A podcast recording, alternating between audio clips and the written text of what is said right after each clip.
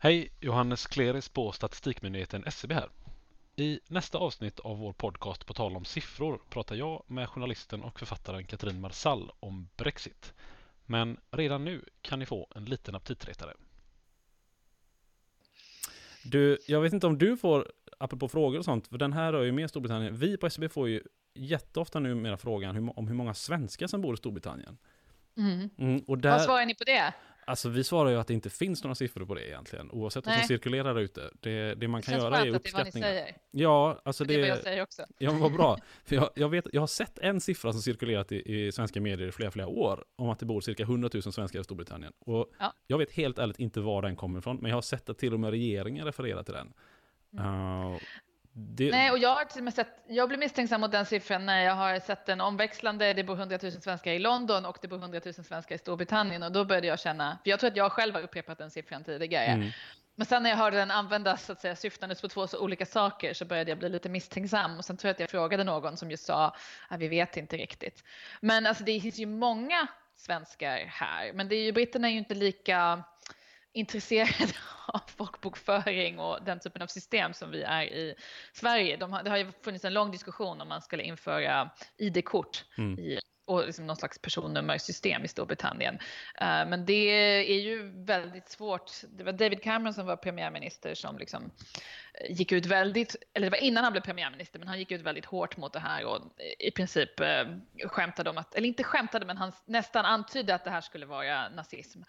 Mhm, Ja. med, med folkbokföring alltså, i princip. Ja, Mm. eller med ID-kort liksom. Mm. Alltså han var ute och, alltså han sa liksom papieren bitte på, på tyska, vilket då är en syftning på Mm. Eh, nazitiden. Eh, så det här anser man som ett väldigt identitetskränkning att ha den typen av system. Samtidigt som man är mycket mer eh, öppen för att ha övervakningskameror i princip överallt i London. Det tycker man inte är ett problem, vilket jag tror skulle vara ett problem i Sverige. Mm, säkert.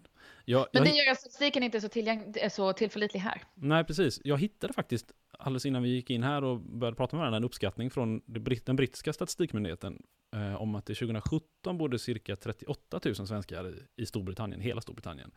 Det, det är nog en rätt ordentlig diff där på 100 000 och 38, alltså, det får man ändå säga.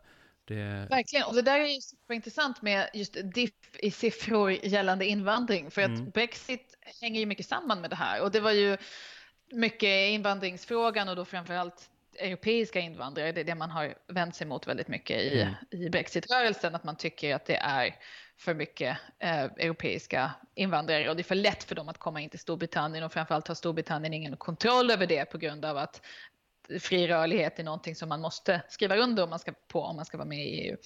Men då förekom det och har förekommit väldigt mycket siffror på hur många europeiska invandrare som finns i Storbritannien. Och de har ju diffat hit och de har diffat dit. Och sen framförallt en sån här eh, sifferglapp som har lyfts fram väldigt mycket av brexitörerna, apropå uppskattningar och prognoser, var ju att när EU utvidgades mot Central och Östeuropa och eh, det fanns en diskussion om huruvida man skulle ha övergångsregler för arbetare från de här nya EU-länderna.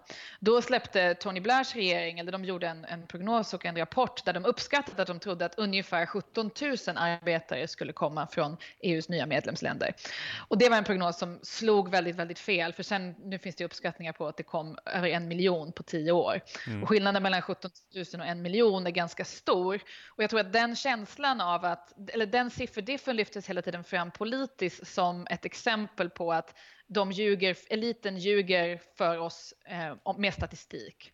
Vilket skapade en väldig känsla av att man inte kan lita på siffror som kommer från eliten, vilket i sin tur bidrog till Brexit-folkomröstningen.